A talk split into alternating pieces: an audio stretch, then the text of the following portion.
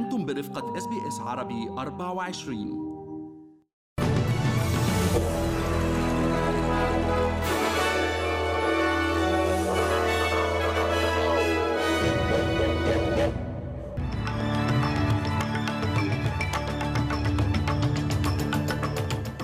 عناوين النشرة؟ حاكم مصرف الاحتياط يدافع عن الارتفاعات المتتالية في أسعار الفائدة ويقر بعدم شعبيتها. ومصرف الكومنولث يحقق أرباحا نصف سنوية تتجاوز الخمسة مليارات دولار المعارضة الفيدرالية تطالب الحكومة بإدراج الحرس الثوري الإيراني على لائحة التنظيمات الإرهابية في أعقاب الكشف عن إحباط نشاطات تجسسية إيرانية على الأراضي الأسترالية.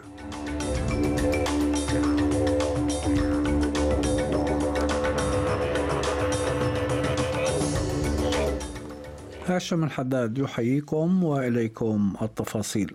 أكد حاكم مصرف الاحتياط فيليب لوي اليوم أن خفض معدل التضخم يمثل أولوية بالنسبة للمصرف بسبب الضرر البالغ الذي يلحقه بالاقتصاد الوطني.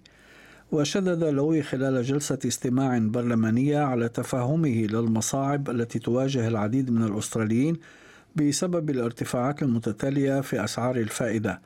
مضيفا أن هذا الإجراء رغم عدم شعبيته ضروري للجم التضخم الذي وصل إلى 7.8% في الربع الأخير من العام الماضي. ويأتي كلام حاكم مصرف الاحتياط في الوقت الذي أعلن فيه مصرف الكومنولث اليوم أنه حقق أرباحا نصف سنوية قياسية تقدر بحوالي خمسة مليارات ومائة وخمسين مليون دولار أي بارتفاع بنسبة تسعة بالمئة عن ما حققه في مثل هذا الوقت من العام الماضي وأوضح المصرف أن الأرباح المحققة أتت بشكل رئيسي من ارتفاع أسعار الفائدة ومن نمو قطاع التسليف للمنازل والمصالح. أعلن حزب الخضر أنه أبلغ الحكومة الفيدرالية بأنه لن يدعم مقترحها الخاص بخفض الانبعاثات إلا في حال موافقتها على وقف مشاريع التنقيب عن الغاز والفحم. ويتضمن المقترح الحكومي فرض سقف على الانبعاثات المسموح بها ل 200 شركة كبيرة تعتبر من الأكثر تلويثا في البلاد. وقالت المتحدثة باسم حزب الخضر لشؤون مكافحة التغير المناخي دوريندا كوكس أن الحزب يريد التعاون مع الحكومة في مجال حماية البيئة ولكن هذا التعاون لا يستطيع المضي قدما مع استمرار منح تراخيص لمشاريع تنقيب جديدة عن الفحم والغاز.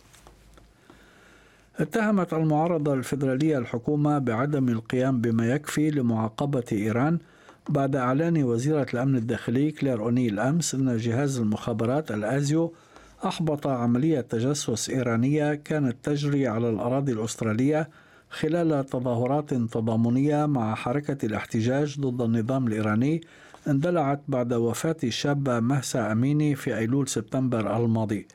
وأوضحت أونيل أن ناشطا أستراليا من أصل إيراني كان مشاركا في التظاهرات استهدفته عمليات التجسس الإيرانية.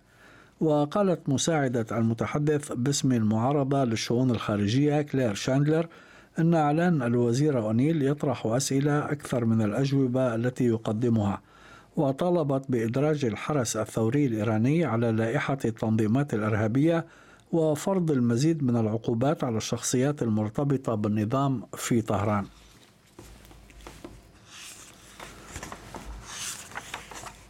تعمل فرق الأطفاء في كوينزلاند على احتواء حريق كبير. التهم مساحة تقدر مساحتها بأكثر من 26 ألف هكتار من الأراضي الحرجية في ميال بارك في جنوب غرب الولاية حيث أتت النيران الليلة الماضية على حوالي 20 منشأة زراعية.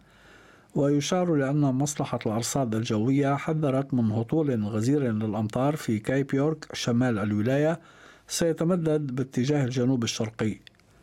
وفي كوينزلاند أيضا أعلنت السلطات اليوم عن فقدان عاملين بعد وقوع حادث في منجم دوغالد وتم استدعاء خدمات الطوارئ إلى المنجم للمشاركة في عمليات البحث والإنقاذ.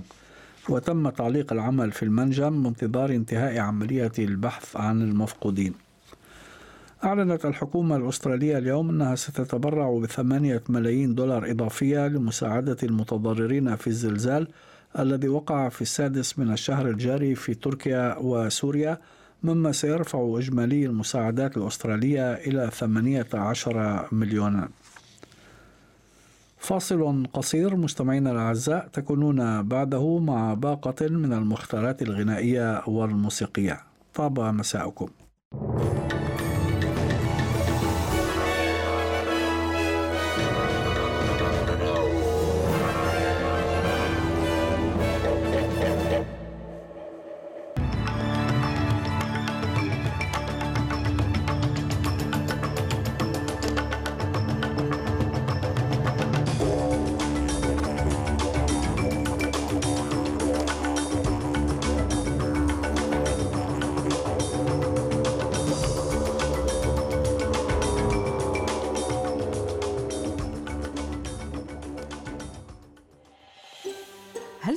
الاستماع إلى المزيد من هذه القصص؟